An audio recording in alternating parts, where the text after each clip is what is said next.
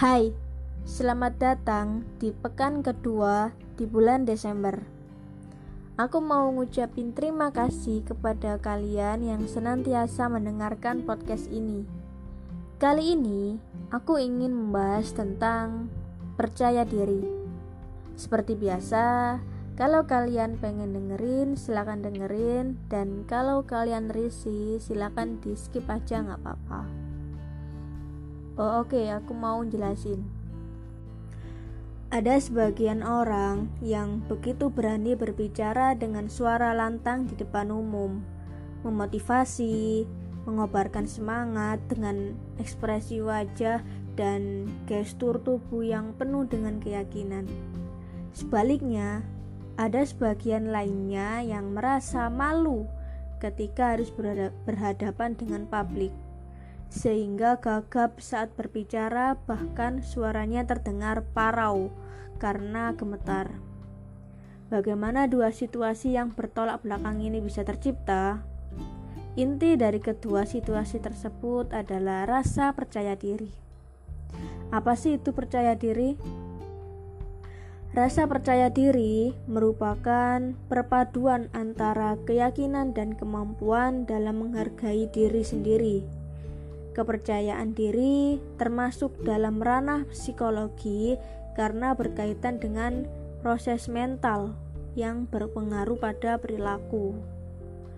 Rasa percaya diri berhubungan dengan cara seseorang dalam memandang diri sendiri, baik kekuatan maupun kelemahan yang dimilikinya.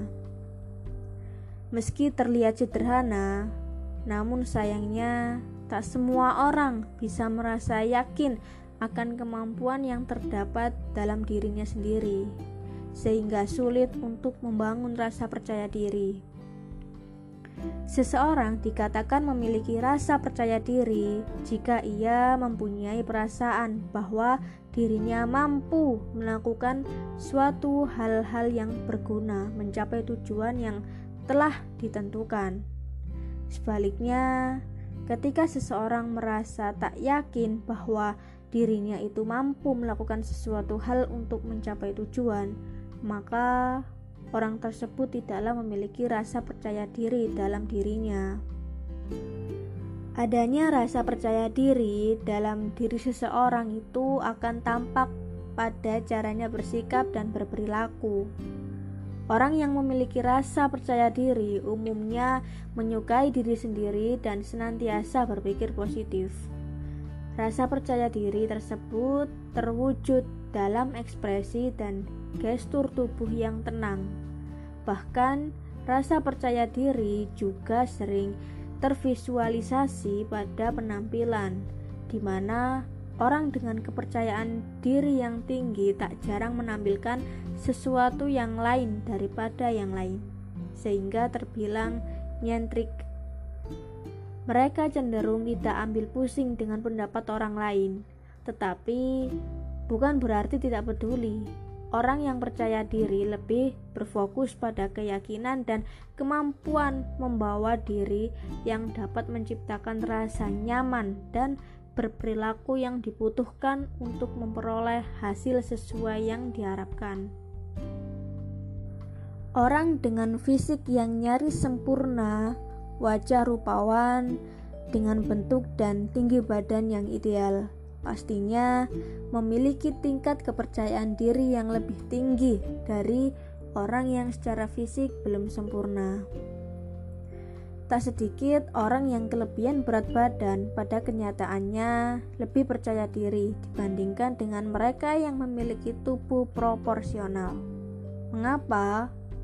Secara psikologis, kondisi mental setiap orang tidaklah sama. Hal tersebut berpengaruh pada tingkat kepercayaan diri setiap orang yang berbeda pula.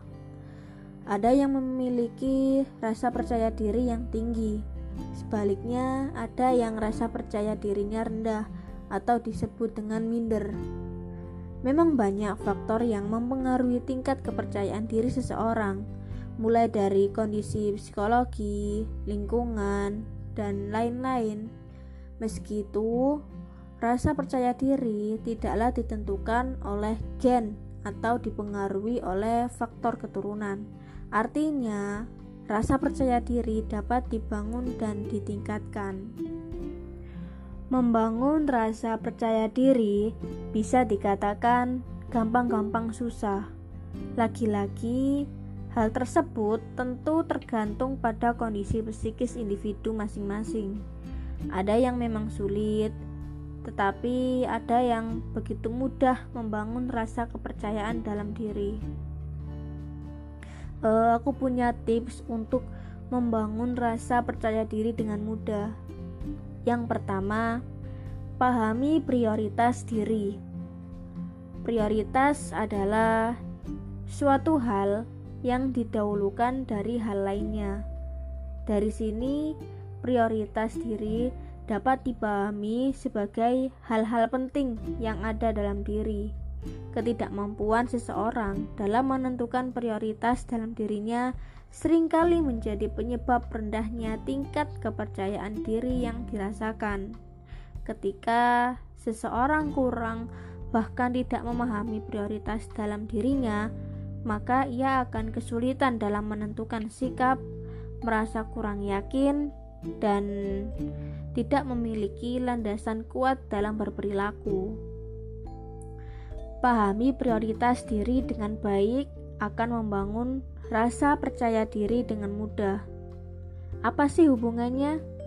Ketika seseorang mengetahui dan memahami prioritas dirinya, ia akan dapat menentukan hal-hal yang penting pada dirinya. Dengan begitu, ia dapat mengelola diri guna mengambil langkah-langkah yang tepat untuk bisa mencapai hasil yang diharapkan. Yang kedua, bangun kesadaran diri. Seseorang akan mudah merasa terintimidasi saat tidak memiliki penguasaan diri yang baik. Penguasaan diri ini muncul apabila seseorang mampu membangun kesadaran diri dengan baik apa itu, apa sih kesadaran diri itu?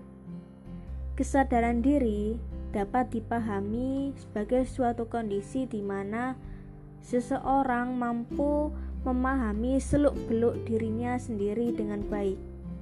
Seseorang yang memiliki kesadaran diri akan mampu membaca situasi sosial dalam memahami pikiran orang lain dan harapan orang lain terhadap dirinya.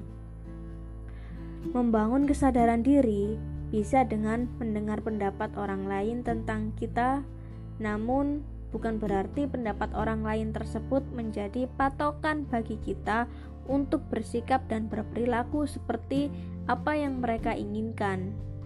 Pendapat orang lain hanya sebagai masukan dalam upaya membenahi diri menjadi pribadi yang lebih baik. Orang yang memiliki kesadaran diri justru mampu menjadi diri sendiri tanpa adanya intervensi dari orang lain. Dengan menjadi diri sendiri, menandakan bahwa orang tersebut memiliki keyakinan atas dirinya sendiri, sehingga terbangunlah rasa percaya diri. Yang ketiga, bangun identitas diri. Identitas diri merupakan ciri-ciri atau keadaan khusus yang melekat pada diri seseorang berkenaan dengan kualitas eksistensi dari orang tersebut. Sebagai ciri khas yang melekat identitas diri berkaitan erat bahkan bisa jadi merupakan inti dari perilaku, tindakan, atau penampilan seseorang. Dari faktor inilah seseorang bisa dengan mudah dikenali dan mengenali orang lain. Ketika kalian mampu membangun identitas diri, kalian tak hanya sekedar mengetahui, tetapi juga memahami segala sesuatu yang terdapat dalam diri, baik itu yang sifatnya positif maupun negatif.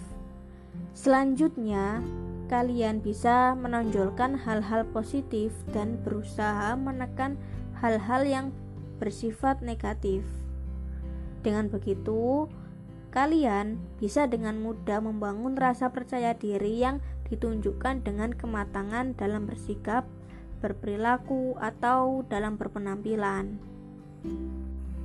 Rasa percaya diri bukanlah sesuatu yang absolut dan stagnan. Artinya, kondisi mental ini bisa dibangun dan ditingkatkan sehingga memberikan dampak positif bagi kehidupan seseorang. Intinya, membangun rasa percaya diri dimulai dari mengenali diri sendiri. Ketika seseorang mampu mengenali dirinya sendiri dengan baik, maka ia dapat mengeksplorasi hal-hal positif dalam dirinya yang kemudian divisualisasikan melalui sikap. E, kalian boleh memberikan masukan pendapat, kritik, dan saran kalau ada kesalahan. Kalian juga boleh banget request apa pun untuk direcord di podcastku ini. Sementara itu dulu podcastnya. Selamat berakhir pekan. Sampai jumpa di podcast episode selanjutnya. Sekian dan terima kasih.